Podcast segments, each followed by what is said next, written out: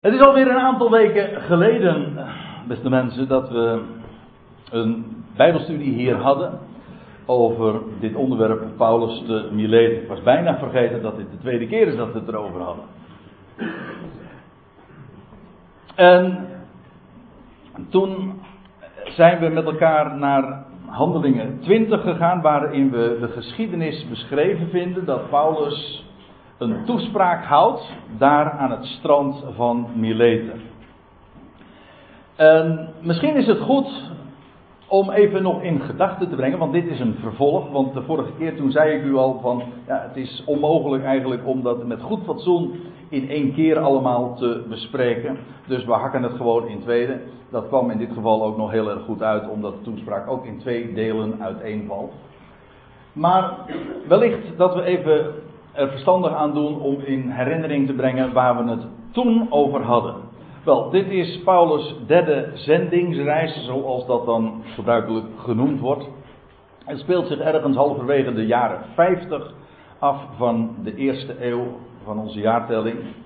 Paulus is inmiddels op doorreis naar Jeruzalem. Waarvan hij weet, dat hebben we ook de vorige keer gezien, en dat is een, een thema dat tijdens deze reis nogal een, een prominente rol inneemt. Namelijk dat Paulus weet dat hij naar Jeruzalem toe moet gaan. Hij had een missie, hij had trouwens ook nog een inzameling gehouden voor de behoeftigen daar. Maar hij wist dat hij gevangen genomen zou worden. Maar, afijn, hij passeert Efeze, waar hij kort tevoren, eigenlijk ongeveer een jaar daarvoor, nog drie jaar uh, intensief uh, het woord gepredikt had. Eigenlijk iets korter. Maar om even een indruk nog te geven van hoe dat precies uh, ging. Wel, hij was ooit in, in Troas, Troje. Hm? U weet wel, bekend van dat, van dat paard. Ja? ja, dat is dezelfde plaats. In de Bijbel kennen we hem als Troas. Maar goed, Troje. Uh, en toen ging hij naar Assus. We hebben dat in, het, in Handelingen 20 hebben we die reis zo gevolgd. Toen kwam hij daar het eiland Lesbos uh, nou aan, of in ieder geval ging er langs, Mytilene. kwam hij bij het eiland Chios. Ja, dat is nog eens een keer een mooie, uh, mooie reis, hè? Langs de Griekse eilanden. Chios, toen kwam hij bij Samos, lezen we ook nog. En goed, hij passeerde Efeze, dat iets uh, landinwaarts ligt. En hij wilde, en vervolgens ging hij naar Mileten, dat direct aan de kust ligt. Beide plaatsen liggen ongeveer op kleine 50 kilometer afstand van elkaar. En toen heeft hij uh, gearrangeerd, een, een ontmoeting gearrangeerd met de herders daar. De herders, dat wil zeggen de, ze worden genoemd de oudsten of de opzieners daar in Efeze. Zij die leiding gaven, maar ook vooral zij die het woord daar doorgaven. Paulus wilde uh, niet te veel tijd uh, inleveren door zelf naar Efeze toe te gaan. Dus hij heeft het zo geregeld dat de, die opzieners, die herders, want dat is het Bijbelse woord, zij die, die de kudde weiden, voeding geven hij heeft ze uitgenodigd daar naar uh, Mileten toe te komen en hij houdt daar dus een toespraak. Een bewogen toespraak, want een, het was een afscheid. Ze zouden hem niet meer zien. We zullen dat straks trouwens ook uh, direct ook lezen en hoe dat daar ook echt, die mededeling daar ook enorm ingehakt heeft.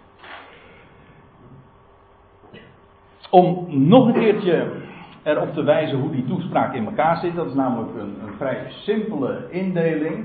Uh, in die zin dat, dat de, de toespraak begint met een terugblik en eindigt ook met een terugblik op Paulus' verblijf daar in Efeze. En dan vervalt de, de toespraak, zoals u ziet, voor de rest uiteen in twee delen die min of meer, nou min of meer, die gelijk lopen, parallel lopen. Hij heeft het eerst over zijn eigen toekomst, wat hem zou overkomen, wat hem van stad tot stad betuigd werd. Hij wist wat, hij, uh, wat hem zou overkomen als hij naar Jeruzalem toe zou gaan, namelijk dat hij gevangen genomen zou worden.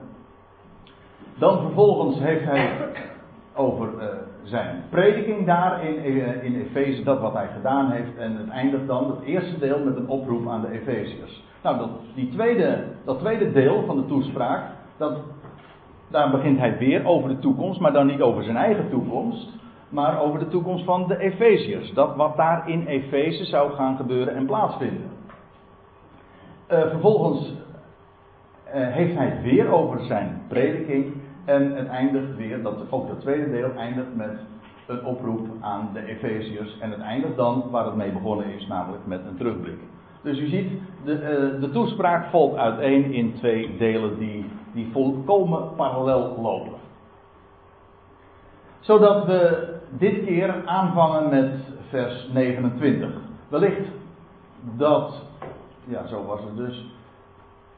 Wellicht dat we er goed aan doen nog even, voordat ik nu de draad oppak in vers 29, dat we nog even lezen wat hij in de direct voorafgaande versen heeft naar voren heeft gebracht. En dan zegt hij: Ik heb niet nagelaten u al de raad van God te verkondigen. Dat wil zeggen, zijn boodschap die hij daardoor had gegeven, was compleet. Hij heeft alles wat hij moest zeggen en mocht vertellen, dat heeft hij ook gedaan. Ik heb niet nagelaten het allemaal te vertellen. Alles wat in de raad, in de bedoeling van God gelegen is. En dan zegt hij, zie dan toe op uzelf. Hij zegt dat tegen die opzieners. Vooral zij, zij die het woord doorgaven.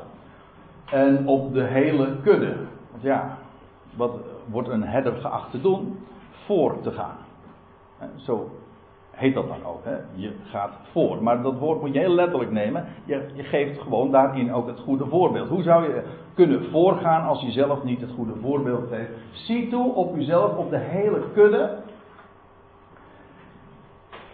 Waarover de Heilige, waarover de Heilige Geest u tot opzieners gesteld heeft. Omzieners. Opzieners, dat is een mooi woord, want heeft ook nog de gedachte in zich van omzien naar. Dat, wordt, dat is een, een associatie die we die, diverse keren in het Nieuwe Testament vinden. Het is dus maar niet uh, opzicht houden alleen, maar ook omkijken naar. Omkijken naar de kudde, zorgen dat ze voldoende voeding krijgen. Dat is wat een een opziener geacht wordt te doen. U ziet de, het begrip opziener en herder en het wijden van de kudde, dat zijn begrippen die hier gewoon door elkaar lopen.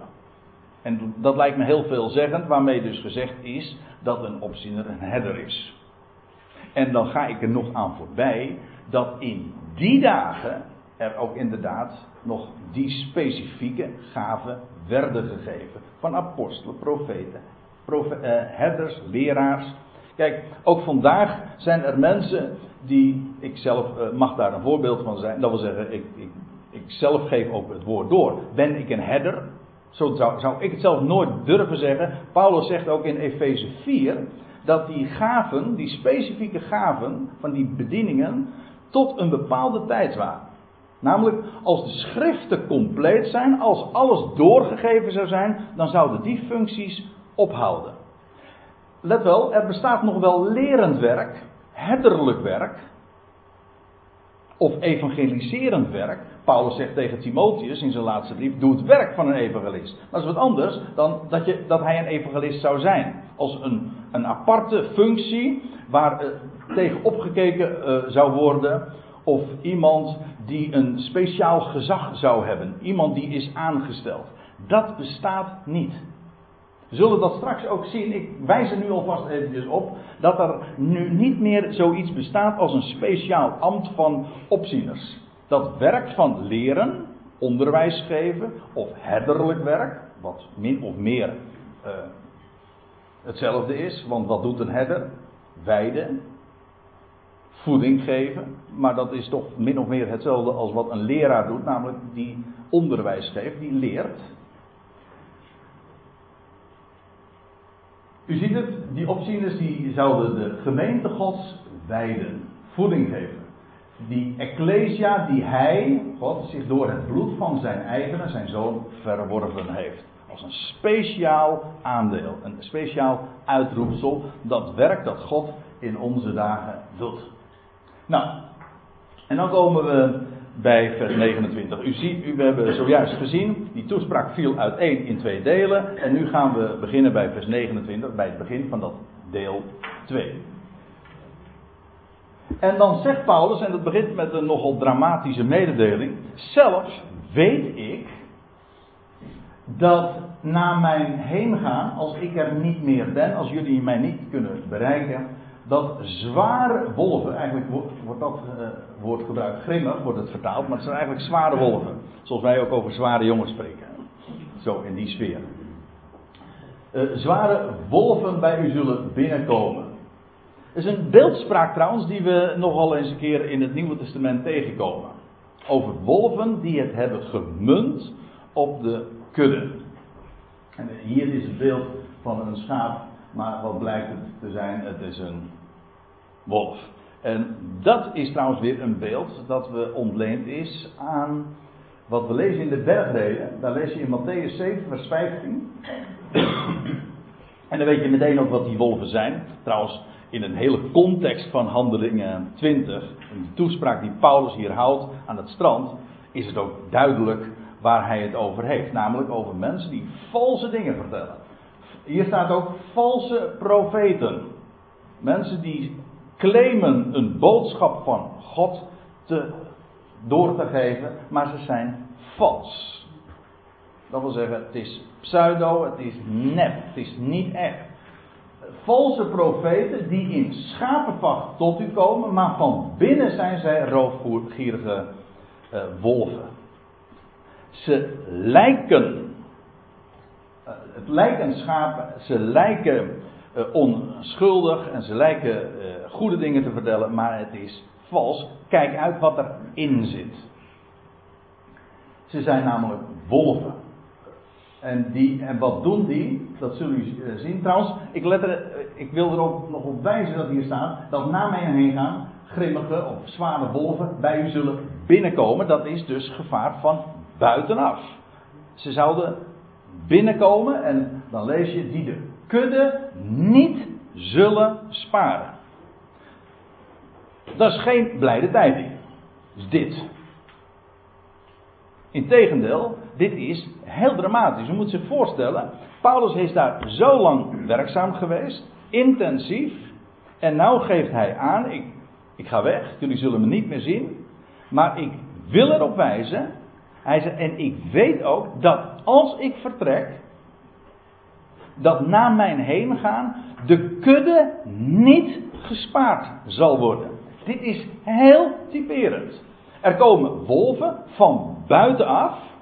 Daar blijft het trouwens niet bij, maar dat is het volgende vers. Er komen wolven van buitenaf die een vals woord brengen onder de naam van woord van God. Maar het is geen woord van God. Het is woord van mensen of nog erger, dit zijn leringen van demonen. Dat zijn allemaal formuleringen die we, die we zo elders ook in de brieven aantreffen. En dat kan heel misleidend zijn. Kijk, die wolven die komen niet als wolven binnen, nee, ze komen als schapen binnen. Dat is de buitenkant.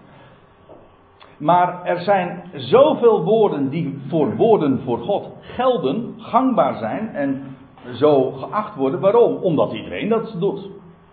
Of omdat de traditie, er is een lange uh, ketting van generaties waarin dat allemaal zo verteld is en iedereen weet dat dat woord van God is. Dat, niet omdat men dat in de schrift heeft gevonden, maar omdat dat altijd zo verteld is. Maar let even op deze mededeling. De kudde zal niet worden gespaard. Ik weet het, Paulus heeft het hier specifiek over dat wat er in, daar in Efeze zou plaatsvinden. Maar laat ik u dit zeggen: dat wat hier gezegd wordt, is, is en blijkt typerend te zijn voor wat er in de hele christenheid zou gebeuren. Nu neem ik u even mee naar 2 Timotheus 4. 2 Timotheus 4 is ook een afscheidstoespraak, alleen dan niet een mondelinge toespraak, maar een schriftelijke. Dat was, en daar richt Paulus zich niet eens tot een, een groep, maar tot een enkeling. Namelijk Timotheus, zijn medewerker. En dan zegt hij, er komt een tijd, Timotheus, het is de laatste brief, hè? het is de laatste brief die Paulus heeft geschreven, vlak voor zijn executie. En het is een, schitterende brief, ook een hele bewogen brief. Een brief waarin zoveel blijde tijding doorklinkt, maar juist dat, in dat contrast van dat wat er zou gaan gebeuren. Hij zegt, er komt een tijd, Timotheus, dat men, hij praat hier gewoon over de mensen in het algemeen, de gezonde leer niet meer zal verdragen. Dat wat men ooit ontving, gezonde leer, zal men dan niet meer verdragen. Men zal er afstand van nemen. Waarmee dus gezegd is, deze men is een aanduiding van christenen. Is een aanduiding van degene die ooit of de reputatie hadden de gezonde leer te kennen. Men zal de gezonde leer niet meer verdragen. Dus het is niet alleen maar zo dat men er afstand van neemt. Men wil en kan het niet meer horen. En als men het hoort, dan krijg je een. Wat, zo gaat dat, hè, als je iets niet verdraagt, dan krijg je een allergische reactie. En dat kan allerlei vormen aannemen. Als je allergisch op iets reageert, maar dan kan je het niet verdragen. De gezonde leer is een van de aanduidingen die Paulus ook geeft van het onderwijs wat hij had gegeven. Waarom is het gezond? Het is gebalanceerd. Het, is, het staat als een huis. Het, staat geschreven, zwart op wit. Het is gezond. Waarom? Ook in zijn uitwerking. Als iets gezond is, dan is het dat wat hij te melden heeft. Een blijde tijding, een, een God. Die werkelijk God is. En, en dat, dat woord is gezond en ook gezondmakend. Ik geloof zelfs dat het fysiek ook. Nou, moet ik uitkijken wat ik zeg natuurlijk, want je kan zomaar verkeerde conclusies trekken. Maar ik geloof zelfs dat het in alle opzichten vitaliserend is. Er is niets zo vitaliserend als die gezonde leer. Enfin, er komt een tijd, Timotheus, dat men de gezonde leer niet meer zal verdragen. En hun oor, staat er even verderop dan, ze zullen hun oor van de waarheid afkeren. En zich naar mythen keren. Dat zeggen, in de MBG-vertaling staat verdichtsels. Dat wat bedacht is, knap. Kunstig, eh, staat dat zegt Petrus dan weer, kunstig verdichte fabelen. Heel knap bedacht allemaal, maar het is bedacht. Het is niet de waarheid, het is niet wat er staat geschreven, het is niet conform de feiten. Nee, het is wat men bedacht heeft. En daar keert men zich naar. En het is dus een afkeer van waarheid en het is zich wenden tot bedenksels, tradities of andere leringen, maar in ieder geval niet de waarheid. En waarom ik dit nu aanhaal? Omdat het in beide gevallen een afscheidsboodschap is van Paulus. Dit gaat van deze woorden in Handelingen 20 kun je nog zeggen, het is lokaal. Het gaat specifiek daar over Efeze. Maar van deze woorden, van deze afscheidswoorden van Paulus in die brief, is het zelfs algemeen. Men zal het niet meer verdragen. Zodat daarmee gezegd is, en ik geef u dit als voorbeeld, dus misschien een van de duidelijkste uitspraken, maar ik zou er meer kunnen aanhalen aan de hand van de brieven, met name dan in de tweede Timotheusbrief, waarin Paulus zijn visie geeft, profetisch uitspreekt wat er met de christenheid zou gebeuren. En ik denk dat, er, dat we dat niet gauw overwaarderen. Dat we daar, daar moet je heel goed van bewust zijn. De toekomstvisie die Paulus geeft over de christenheid, wat er zou gebeuren na zijn heen gaan, als hij zijn voeten zou hebben gelicht, als, en, en dat, tekende zich al af tijdens zijn leven. Ze zouden zich afkeren van de waarheid en van de gezonde leer van wat hij verteld heeft, zou men niet meer verdragen. Dat is wat er in de christenheid zou gebeuren. Wees je daar donders goed van bewust.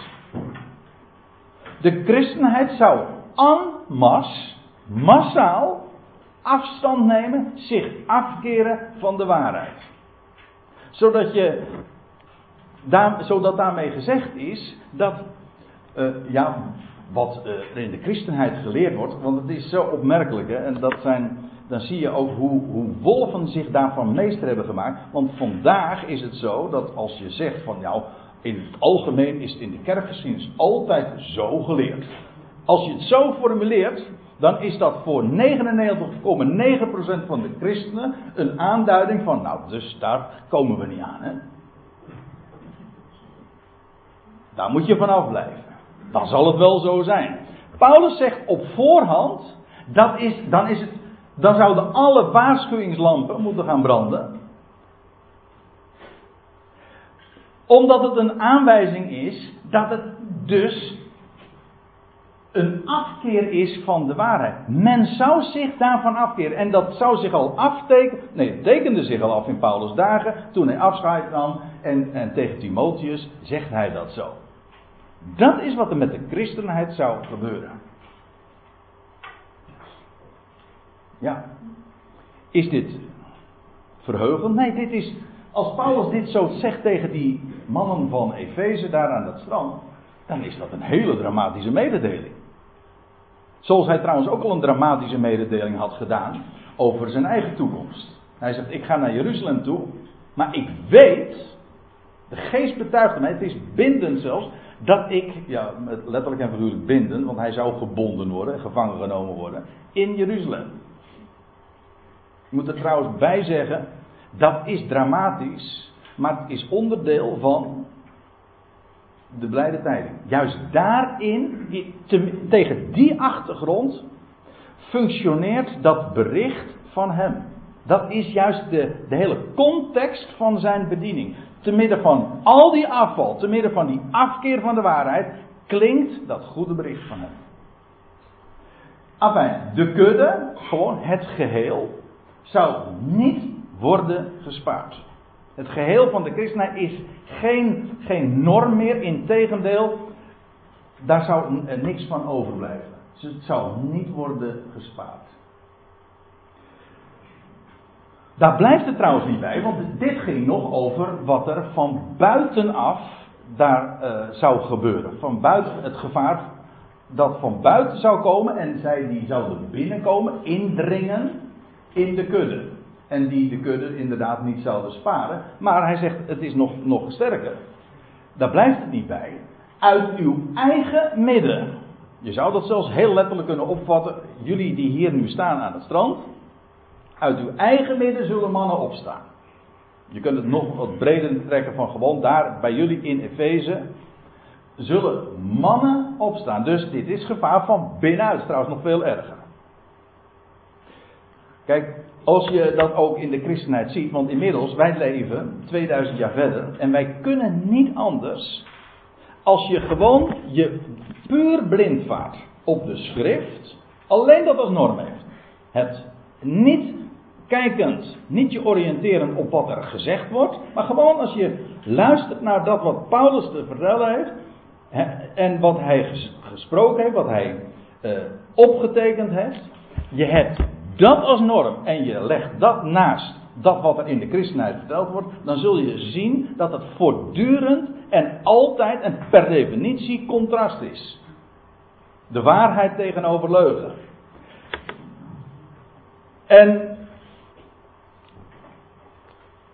dat is beïnvloeding van buitenaf. De christenheid blijkt vanaf de aanvang altijd beïnvloed te zijn. In de eerste plaats door het Jodendom. Wettische invloeden. Nou, dat is wat, uh, wat je in de gelaten brief leest, maar op, op zoveel andere plaatsen. Maar ook filosofie. Paulus zegt in Colossense 2, vers 8. Laat u niet meevoeren, meeslepen door allerlei ijdele overleveringen traditie, dat woord traditie staat daar, door ijdele traditie van mensen in overeenstemming met de filosofieën, wijsbegeerten der mensen. Gewoon dat wat, wat mensen aan filosofie hebben bedacht. Dus daar zie je aan de ene kant traditie, wet, eh, de judaïstische invloeden die ook in de christenheid enorm hebben opgedaan. Mede ook door de leer dat men dacht dat men Israël was. Maar ook allerlei andere leringen vanuit het heidendom. Wat dacht u bijvoorbeeld van de meest fundamentele Bijbelse waarheid? Er is één God. Er is één God, de Vader. Die, dat zuivere Bijbels onderwijs, dat is in no time, en het is zelfs de meest essentiële leer geworden in de christenheid, is gewoon compleet verdraaid. Namelijk, er is niet één God, de Vader, nee, er zijn er drie. En dat heeft men onder een bedekking, onder een, een uh, dus wit gepleisterd. Hè? Een andere term is, uh, het is in schapenvacht, het is een valse lering, het is een wolf, het is echt een leerstelling van wolven, die ingepakt is in, in vermisleidende woorden. Men zegt van ja, er is één God, maar men bedoelt, er zijn drie personen die alle drie gewoon rechtmatig kunnen zeggen, ik ben God. En toch heet dat dan de eenheid van God. Beleiden. Maar dan zetten ze voorop de drie. U weet waar ik het over heb. Ik bedoel, dat is typisch een leerstelling die van buitenaf. Het is namelijk de filosofie die in de christenheid zo binnengedrongen is. Die gemeengoed is geworden. Mooi term, hè? Gemeengoed. Uh, uit hun eigen midden zullen mannen opstaan die verkeerde dingen zullen spreken. Dat woord verkeren, dat verkeerd moet je heel letterlijk opvatten. In het, uh, in het Grieks staat daar een woord dat inderdaad betekent verdraaien. Maar verkeerd is eigenlijk ook, dat heeft te maken met keren, het werkwoord keren, en dat is draaien. Die dus verkeerde dingen, die de dingen omkeren, verdraaien. Al is het maar een kwartslag, maar daardoor een totaal andere oriëntatie en een heel andere betekenis krijgen. Dat is wat Paulus zegt. Wolven van buiten, mannen van binnenuit, die zullen opstaan en die verdraaide dingen zullen zeggen. Nee, niet verdraaid mooi. Nee, die verdraaid verkeerd. Verdraaid verkeerde dingen zullen vertellen.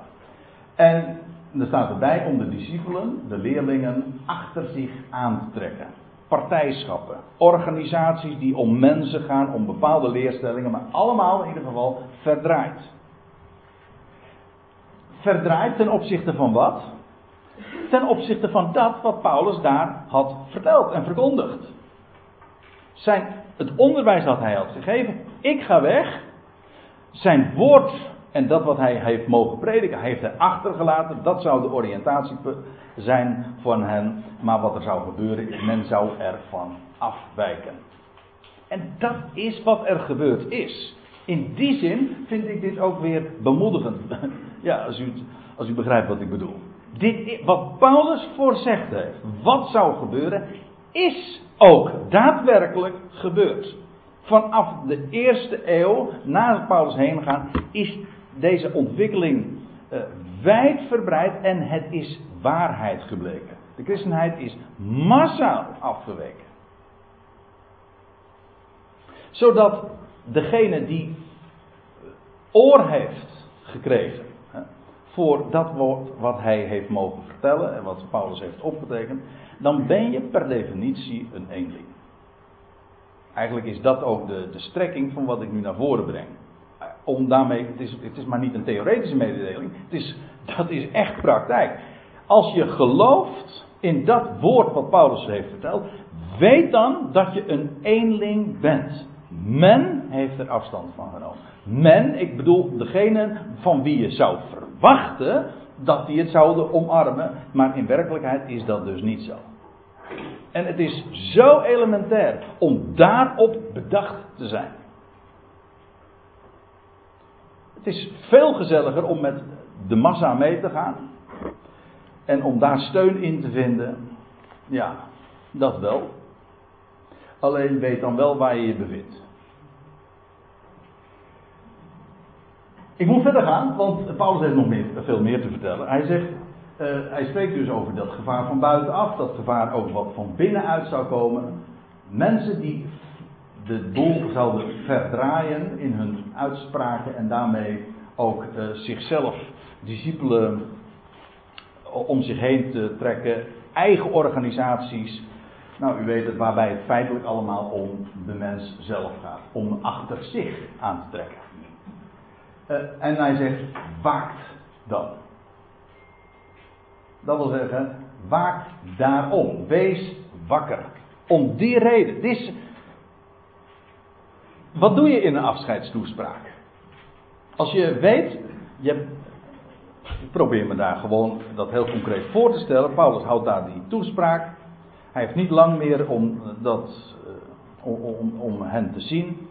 Wat hij nu gaat vertellen is zo essentieel. Dingen die hij absoluut op het hart wil binden. Dan zeg je echt de belangrijkste dingen. En dat is wat hij doet. Dit is zo belangrijk. Weet wat er gaat gebeuren. Men zal massaal afstand nemen. Verkeerde dingen zouden er gesproken worden. Wolven, valse profeten. En de kudde zou niet gespaard worden. Hij zegt, daarom wees wakker. Alert. Hou je ogen open. Wees je ervan bewust. Laat je niks op de mouw spelden. Ga niet achter mensen aan. Achter geen ene prediker. Maar, nou ja, laten we maar even verder lezen. Wees dan wakker. Herinnert u dat ik drie jaar lang, nacht en dag, drie jaar is naar boven afgerond, het was inderdaad ruim twee jaar. Dat weten we als we het voorgaande hoofdstuk lezen, dan had Lucas al meegedeeld. Hij had twee jaar in de school, ja ja, twee jaar in de school van Tyrannus onderwijs gegeven, dagelijks. En uh, we weten ook nog van drie maanden daarvoor. Dus dat is uh, twee jaar en drie maanden. In ieder geval, misschien zit daar nog wat, uh, wat tijd bij. Maar in ieder geval, dit was al vermeld, deze termijn in het voorgaande hoofdstuk. Hier spreekt hij over drie jaren. En of dat nou ehm, de volle termijn is geweest, of dat dat afgerond is, dat dat doet even niet de zaken. Paulus zegt, spreekt hier over drie jaren lang, nacht en dag. Dat is typisch een, de Hebreeuwse manier van lezen. En uh, van tijdsbeleving, namelijk een, een, datum hè, wordt gerekend, een dag wordt gerekend vanaf de nacht. Hè, in, bij zonsondergang begint een nieuwe dag, bijvoorbeeld de Sabbat. En wordt gerekend van zonsondergang tot zonsondergang. Dus vandaar dus nacht en nacht, nacht en dag. Drie jaar lang, nacht en dag, heb ik niet opgehouden, ieder ook afzonderlijk om de tranen terecht te wijzen.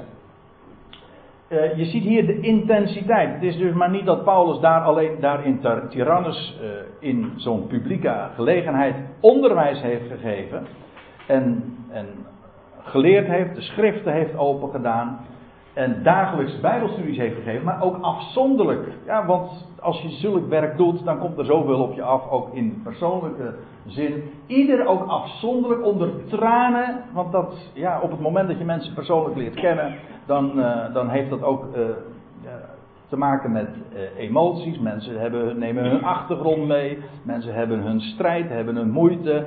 En, en Paulus zegt, ik heb niet opgehouden. Je ziet hier echt iemand die zo intensief betrokken is bij dat wat hij doet. Een man met een missie. Hij zegt eh, niet opgehouden, ieder afzonderlijk onder tranen ook terecht te wijzen. Dit woord terechtwijzen, dat is, dat is niet helemaal, dat, dat zou ik willen terechtwijzen. Uh, want waar het werkelijk om gaat, is uh, dit woord. Uh, u ziet het hier ook in de Nederlandse interlineair. Attenderende.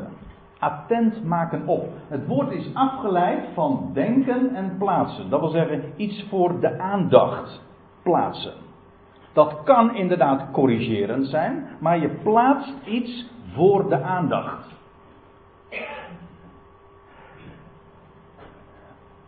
Je stelt iets voor zodat mensen daaraan denken. Dat is het woord wat er gebruikt wordt. En dat is dikwijls in zijn werking corrigeren, want je had iets anders in gedachten en dan wordt er iets anders uh, in, uh, voor je aandacht geplaatst. Dat is waar en vandaar ook dat, dat de vertalers hiervoor hebben gekozen. Maar het idee is dus niet zozeer dat van correctie, maar dingen voor de aandacht plaatsen.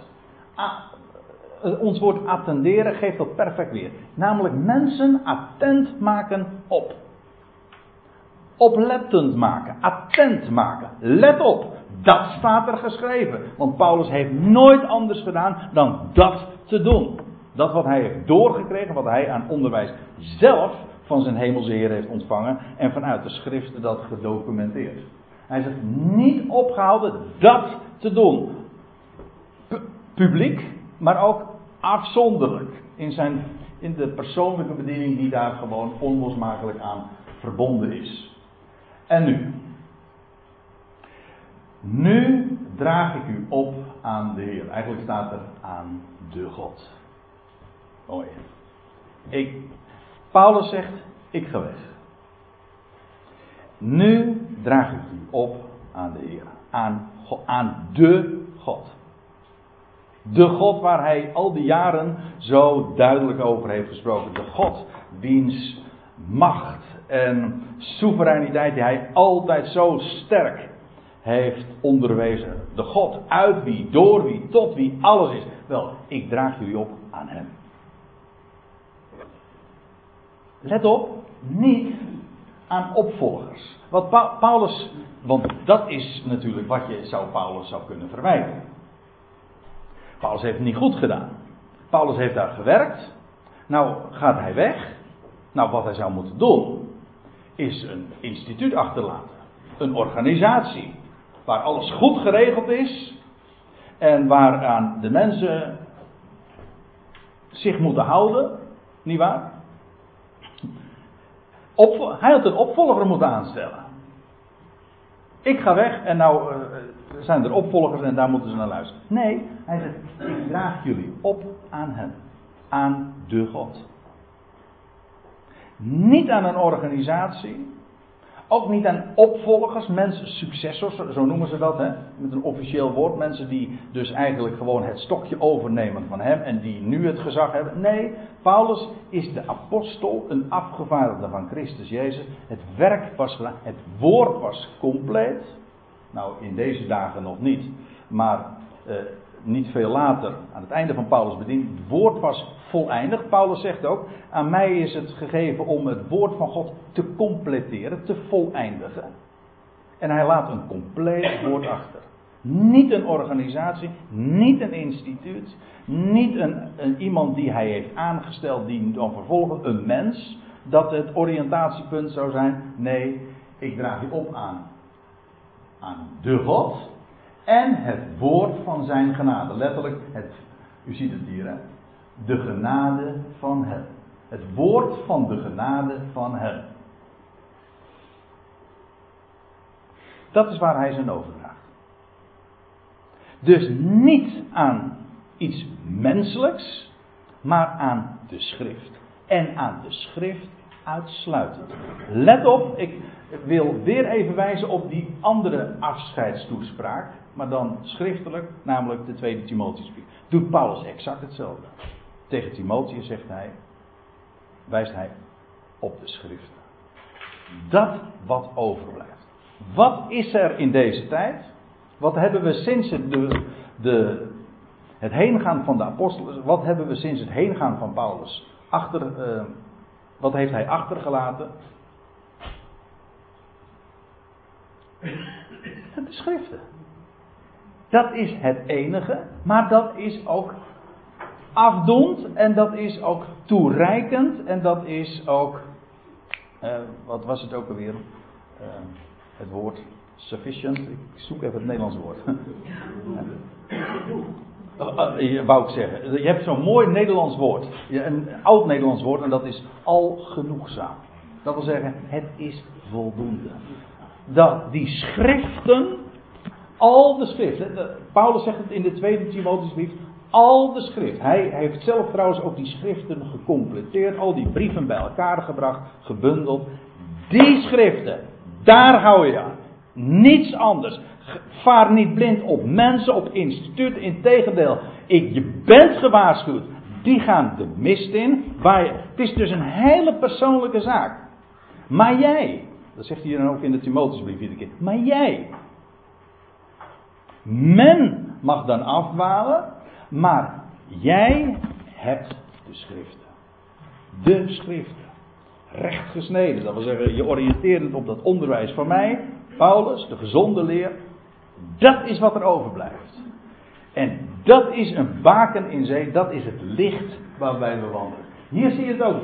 Draag je op aan hem en aan het woord van zijn genade. En dit refereert aan wat we in het voorgaande al gezien hebben, dat wil zeggen de vorige keer, in hoofdstuk 20, vers 24, daar lees je dat Paulus ook zegt: Ik heb onder jullie het evangelie, de blijde tijding, het goede bericht van de genade van de God.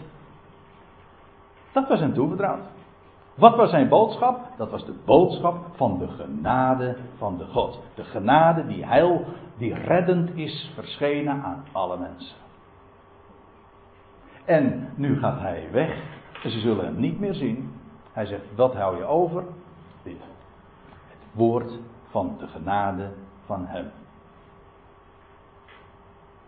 Maar dat is met recht ook al genoegzaam. Dat is toereikend in alles. Dus Paulus zegt, dat is weer de Timotheusbrief, want ja, daar, hier, eh, dit was een toespraak dat een, min of meer wellicht ook een samenvatting is, maar in die brief zet hij dat nog wat duidelijker of, of wat uitgebreider uiteen. Dan zegt hij ook dat die schriften zo toereikend zijn dat hij zegt, de, opdat de mens van God, ik moet het goed citeren, 2 Timotheus 4. Nee, het is het laatste uh, vers van 2 Timotheus 3. Daar staat er nog bij dat al de schrift is gegeven. Dat is wat er overblijft. En dan zegt hij erbij.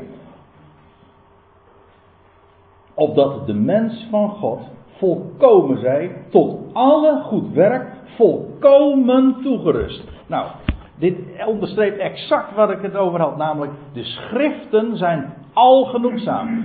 Je bent compleet, dan heb je echt alles. Natuurlijk, u zegt, ja god, er is daar zoveel in. Ja, daarom, daarom is het zo geweldig. Daar, daar, daar raak je niet uitgestudeerd. Dat is een bron dat niet alleen maar je informeert, op de hoogte stelt. Het geeft je visie, het geeft je wijsheid, het geeft je uitzicht, het geeft je leven, het vitaliseert. Het is gezond, spiritueel in alle opzichten. Het is alles, opdat de mens van God volkomen zijn tot alle goed werk, maakt bovendien dus ook nog bekwaam, tot alle goed werk volkomen toebereid. Dus als je een goed werk wil doen, die schriften maken je bekwaam. Ze, je, je persoonlijkheid van binnenuit wordt gevormd. En daarmee ook je handelen. Dat is het. Dat is alles. Die schriften. Paulus zegt, ik draag je op aan het woord van zijn genade. En als er één ding naar de Filistijnen is gegaan, dan is het wel van het woord van de genade bij men. Meteen al, hè? Het woord van de genade werd ten onder gehouden en veranderde zelfs in. Moet je nagaan, hè? Het heet nog steeds evangelie, maar het is in wezen het meest afschuwelijke bericht wat men ervan gemaakt heeft. Namelijk, geloof ons, bedoel, geloof ons of ik schiet, dat wil zeggen, dan ga je eindeloos naar de hel.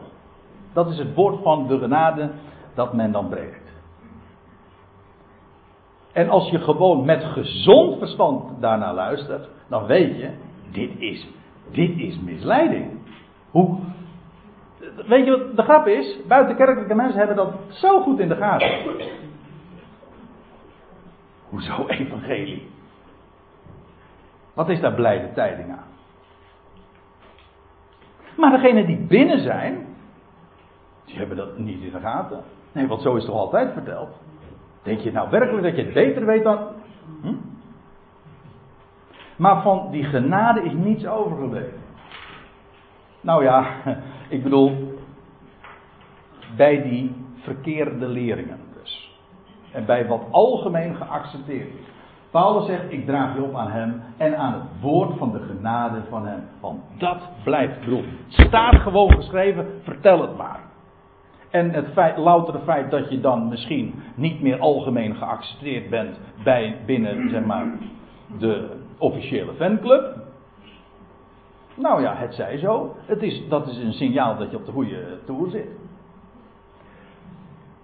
Ik draag je op aan, aan hem, aan het woord van de genade van hem. En hem die bij machten is te bouwen. Dat vind ik trouwens ook prachtig. Want het geeft dus perfect aan dat het inderdaad genade is. Hij bouwt. Hij is in staat om te bouwen. Zoals hij in de Korinthebrief ook zegt, jullie zijn Gods bouwwerk. Hij is het die aan ons zijn werk doet. En hij is het ook die die Ecclesia bouwt. En ook te geven het erfdeel, letterlijk het, het lotsdeel. Het zou me niet verbazen als dit woord geven, dat ons woordje doneren daar ook nog van afgeleid is. Hij, hij geeft, hij doneert het lotsbezit. Dat wil zeggen dat wat je ten deel valt. Als lot. Het is je lot. Je krijgt het zomaar. Het is geen verdienste. En dat is, dat onderstreept precies de genade. Hij roept ook een ecclesia. Hij is het bij machten die ecclesia te bouwen. En hij geeft ook dat deel onder alle geheiligden. En dat vind ik ook weer zo mooi. Hij is het die heiligt. Geheiligd heeft en dat werk doet. Deze, al deze zinsdelen onderstrepen precies waar het om gaat, namelijk het woord van zijn genade. Hij is het die het doet. Geef je daaraan over, aan dat woord, en dan bouwt hij, en dan geeft hij je dat erfdeel, dat lotsdeel, dat wacht. Dit lotsdeel, dat is uiteraard dat wat ons in de toekomst, in de praktijk ook, uh, wacht. En dat we dat in bezit zullen nemen. Hoewel het officieel de jure, zo heet dat, nu al ons deel is. En Paulus vervolgt, dat ik moet even doorgaan. Ik heb niemands zilver of goud. Dat was de wijze waarop men toen betaalde. Zilverstukken, goudstukken. Ons woord geld betekent eigenlijk ook gewoon gold, hè, goud. Eh, ik heb niemands geld of, of zilver of goud of kleding begeerd. Paulus heeft nooit iets gevraagd. Paulus' werk was gratis. Hij deed het puur om niets. Hij bracht een woord om niets. Maar hij vroeg er ook geen geld voor, want daarmee zou hij precies het tegenovergestelde doen van wat hij vertelde. Let wel, ik moet erbij zeggen, hij kwam niet lang uh, geleden, was hij nog, terwijl hij hier dus op het strand van Mileten staat, was hij nog in Filippi geweest en toen was hem uh, wat het een en ander gegeven waar hij ook over schrijft. Dat wil zeggen, hij is, ook, hij is ondersteund bij gelegenheid. Maar hij heeft nooit, nooit iets gevraagd. Ik heb niemand zilver of goud of kleding begeerd. Hij zegt in 1 Thessalonicense 2, daar kwam hij trouwens ook net vandaan, uit Thessalonica. Dan zegt hij, terwijl wij, zijn medewerkers, nacht en dag werkten om niemand van u, van u lastig te vallen, hebben wij u het evangelie van de God gepredikt. Nooit iemand lastig gevallen of een last. Lastig vallen betekent gewoon een last opleggen. Hinderen of iets vragen. Hij zegt, zelf weten jullie dat deze handen, ik vind dat een mooie uitdrukking, deze handen, kun je alleen maar zeggen als je dit doet. Als je je handen laat zien, deze handen, deze handen zegt hij. Zelf weten jullie dat deze handen in mijn behoeften, in dat wat ik nodig heb, en bovendien in die van uh, hen die bij mij waren, hebben voorzien. Dat wil zeggen, nooit iets gevraagd. Zijn werk was dus met recht gratis. Hij zegt, ik heb u in alles getoond. Dat is een mooi woord trouwens. Uh, namelijk als voorbeeld. Ik heb het niet alleen verteld, ik heb het gewoon ook gedemonstreerd. Ik heb u in alles getoond dat men door zo te arbeiden, er staat eigenlijk nog een woord, zelfs zwoegen. Want hij werd nacht en dag in beslag genomen voor dat waar, hij om, waar het hem allemaal om ging. Namelijk het woord. Oké, het hield hem uit de slaap en uh, hij had voor de rest uh, geen tijd over. Maar hij zat door zo te zwoegen, zwoegende, uh, zich de zwakken moet aantrekken, te ondersteunen. Dat wil zeggen, heel Paulus' bediening was erop gericht om anderen, de zwakken in het bijzonder, degene die het nodig hadden, te ondersteunen. Nooit gericht op zichzelf, om te vragen. Altijd naar buiten toe. En moet u doorlezen. En zich de woorden van de Heer Jezus herinneren. Ja, ik hou niet zo van die uitdrukking de Heer Jezus. Moet u, moet u wel goed opvatten. Uh, want wij denken dan de Heer Jezus is een beetje oud-Nederlands. Dan wordt het een, een naam. Maar het is, de naam is Jezus. Heer is een titel. Dat hebben we, denk ik, eh, nauwelijks meer in de gaten als we het hebben over de Heer Jezus. Maar hij is Jezus, is zijn naam. En wat is die Jezus? Hij is Curios. Hij is de eigenaar, degene die het allemaal bezit. Wel, uh, hij zegt de woorden van de Heer Jezus herinneren, die zelf gezegd heeft, dat in de Aorist. En nou ga je opzoeken in de Evangelie waar dat staat.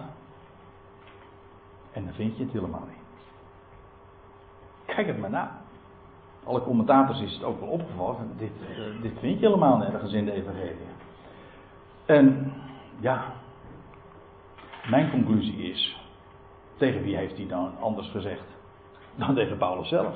Als we het inderdaad in de Evangelie niet aantreffen. Nou ja, als u wilt, dan kunt u daar onderuit hoor, dat geef ik toe. Maar daarom zeg ik het er ook maar even als vraagteken bij. Maar hij heeft, de Heer Jezus heeft dat gezegd. En waarom uh, ik zomaar het donkerbruine vermoeden heb dat het inderdaad tegen Paulus zelf gezegd is. De uitspraak zelf is ook weer zo typisch in de mond van Paulus. Het heeft te maken met die overvloeiende genade. Let maar op. Wat, wat heeft de Heer Jezus gezegd? Aan welk woord herinnert hij wel deze uitspraak? Het is zaliger, weer zo'n woord. Uh, het is gelukkiger. Of letterlijk, het is veel eer gelukkig te geven dan in ontvangst te nemen. Dat is wat hij zegt. Dat is een uitspraak die we alleen bij Paulus tegenkomen, maar hij is van, van de Heer Jezus zelf. En dat woord zaliger, ja, dat is, dat, van hebben we nauwelijks nog een idee van wat het echt is. Daarom moet je het gewoon nemen zoals het, wat het betekent. Het is gelukkig. Sommige keren konden de vertalers er inderdaad niet onderuit en hebben ze het inderdaad maar weergegeven met gelukkig. Maar dat is ook inderdaad de betekenis. Het is veel eer gelukkig te, te geven dan te ontvangen. Het is heerlijk. Een mens wordt, als je een goed bericht, laat ik het daar eventjes toe beperken. Het is heerlijk om een goed bericht te horen. Zeker als je daar uh, echt aan toe bent, als je daar helemaal klaar voor gemaakt dan hoor je een goed bericht en wat doet dat met je? Je wordt er blij van, gelukkig van. Weet je wat nog gelukkiger is? Wat nog gelukkiger is, om het door te geven, om het een ander te vertellen. En daarmee een ander gelukkig te maken. Geldt in alle opzichten. Het is een universeel principe. Het is gelukkiger te geven. Mensen zeggen dan van ja, je moet ook denken aan je eigen geluk. En daarmee vergetend, of men weet het helemaal niet, wat hier staat. Het geluk, een geen groter geluk dan juist als je mag geven. Als je een bron kent die niet ophoudt. En een God kent die werkelijk ook een gelukkig God is en die ook alles geeft. Ja, dan heb je ook reden om zo in het leven te staan. En het zal je. En u zegt van ja, maar uh, kijk wel uit met geven, want dan raak je wel kwijt. Nee, dat is juist het mooie van dit geven niet. Ik ken iemand die dat ook altijd als motto heeft. Ja, die altijd zegt uh, van uh, geef maar gewoon en je zal nooit tekort komen. Ik geef toe, als je economisch, als je een boekhouder hierop zet en zegt nee, deze redenering klopt niet. Maar ik geef u de garantie. Nee, ik geef u. Uh, laat ik me, laat ik eventjes echt duidelijk zeggen, correct zeggen. Van hogerhand is ons gegarandeerd. Er is geen groter geluk dan te geven. Geef maar. En het zal je nooit aan iets ontbreken. Nou, nou dat, dat zijn de laatste dingen die, de, die Paulus hier uh, naar voren bracht. Dus de uitspraak dus van hogerhand. Het is gelukkiger te geven dan te ontvangen. Toen hij dit gezegd had, boog hij de knieën. Hij heeft met hen alle gebeden. Sommige mensen zeggen dat niet mogen doen, want gebed is alleen maar een persoonlijke zaak. Uh, hier lees je dat Paulus dus echt ook met de anderen uh, gebeden heeft. Hij boog de knieën. Het is trouwens prachtig, want je leest op nog een, in nog een passage dat hij dat doet. Misschien zelfs nog één, denk ik ineens aan in handelingen. Maar ik denk aan de woorden die we vinden in Efeze 3. Efeze 3, vers 14, daar lees je dit. Ik kan niet nalaten om het even het hele gebed te lezen. Waarom? Staat ook in de Efezebrief. Uh, dan zegt hij, in een schitterende context, maar dan zegt hij, om die reden buig ik mijn knieën voor de Vader, naar wie alle geslacht in de hemel en op de aarde genoemd wordt. Opdat hij u geven naar de rijkdom van zijn heerlijkheid, dat wil zeggen in overeenstemming met die enorme heerlijkheid, met kracht gesterkt te worden door zijn geest in de inwendige mens. Dat is niet de buik. Dat weet ik, ik weet dat dat zo altijd wordt opgevat. Hè? De inwendige mens versterken, nou dat is kul. Want die buik dat is gewoon de buitenkant. Dat is gewoon het vlees. De inwendige mens is het hart, de binnenkant, de geest, wat je niet ziet. Opdat hij u geven eh, met kracht gesterkt te worden door zijn geest in de inwendige mens. Opdat Christus door geloof in uw hart woning maken. En dan staat er geworteld en gegrond in de liefde, namelijk de agape, liefde van God. Zullen jullie dan samen met alle heiligen in staat zijn te vatten hoe groot de breedte, de lengte, de hoogte en de diepte is. En te kennen de liefde van Christus, die de kennis te boven gaat. Opdat jullie vervuld worden tot alle volheid van God. Wauw. Dat is het gebed van Paulus. Hij buigt zijn knieën. Als je nou vraagt van, ja, wat heeft Paulus toen daar op het strand van Mileten, daar bij, vlak bij Efeze gebeden, dan zeg ik, nou, wat dacht je van dit gebed? Niet voor aardse omstandigheden, want God voorziet. Nee, dat onze ogen open, geopend worden. Dat we gaan zien, dat we gaan vatten hoe, hoe, geweldig breed, hoe de lengte, de hoogte en de diepte is. Ja, waar het over gaat. Ik heb juist van de week daar een blogje over uh, geschreven op mijn website. Ik ben er enorm van onder de indruk over die, die geweldige dimensies van dat, van dat geheimenis van God. Dat onze ogen daarvoor geopend worden, dat we daar besef van krijgen. Van binnen, in de inwendige mens. En zo ook met kracht worden gesterkt. Daar word je echt krachtig en gezond en vitaal van. Ja, nou. Toen hij dit gezegd had, boog hij de knieën. Hij heeft met hen allen gebeden. Ze barsten alles, zij uh, allen in, in groot geween uit. Dat, u ziet, dat waren geen Nederlanders. Want die zouden dat niet gedaan hebben zo. Op deze manier afscheid nemen. En dan staat er, en, en vielen Paulus om de hals en ze kusten hem herhaaldelijk. Mannen. Hm? Ja. Nou ja, de huk komt weer een beetje wat meer in. Maar het is natuurlijk in, onze nood, in, in onze noordelijke delen van de wereld is dat niet zo gebruikelijk om, om, om, dat zo, om, zo, om je zo inderdaad te tonen. Wij zijn daar veel te geremd in, we, voelen ons daar ongemakkelijk bij. Maar zo ging dat. Het is een, een, zo, die hartelijkheid. Ze, ze, ze weenden. Ze vielen Paulus om de hals en kusten hem herhaaldelijk. Dat is trouwens overdreven. Want er staat niet. ja, dat is dan misschien weer een echte Nederlandse aantekening. Maar dat woord herhaaldelijk staat er niet. Ze kusten hem met genegenheid. Ja.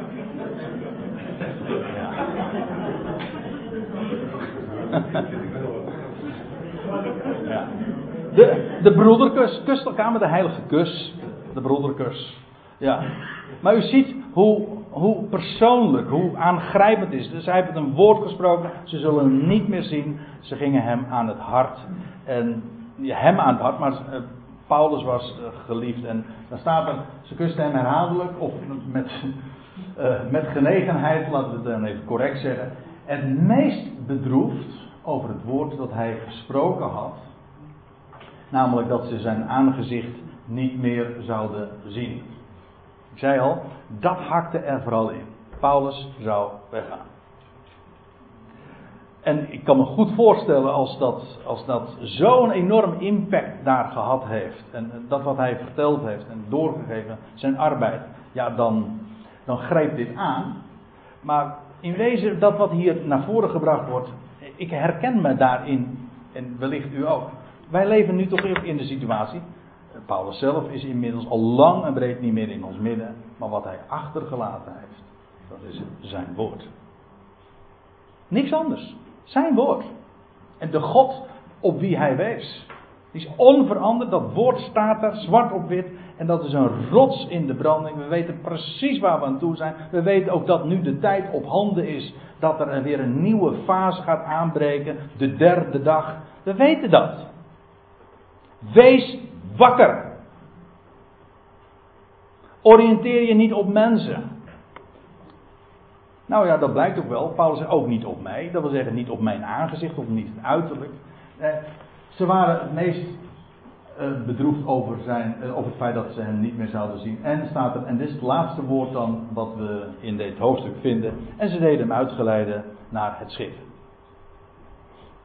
Het schip is eigenlijk wel een heel typerend vervoersmiddel van de apostel in het boek Handelingen. Hij ging altijd maar weer op weg. Maar waarbij uh, het schip het voertuig is over de wateren, over de zee. Dat wil zeggen over hij was de apostel van de natie. Uitgebeeld in de volkerenzee, nietwaar? En hij, ze deden hem uitgeleiden. Ze zonden hem voort tot in het schip. Zo wil zeggen, ze hielpen hem voort. En uh, hebben ze wellicht zijn bagage nog meegenomen tot in het schip. En ze hebben hem gedag gezegd, uitgezwaaid. En zo hebben zij hem niet meer gezien en wat achter had gelaten. Toen, daar in Efeze, en nu aan ons. Dit woord. Wees wakker. Oriënteer je erop. Het is werkelijk al genoegzaam. Zullen we daarbij laten voor vandaag?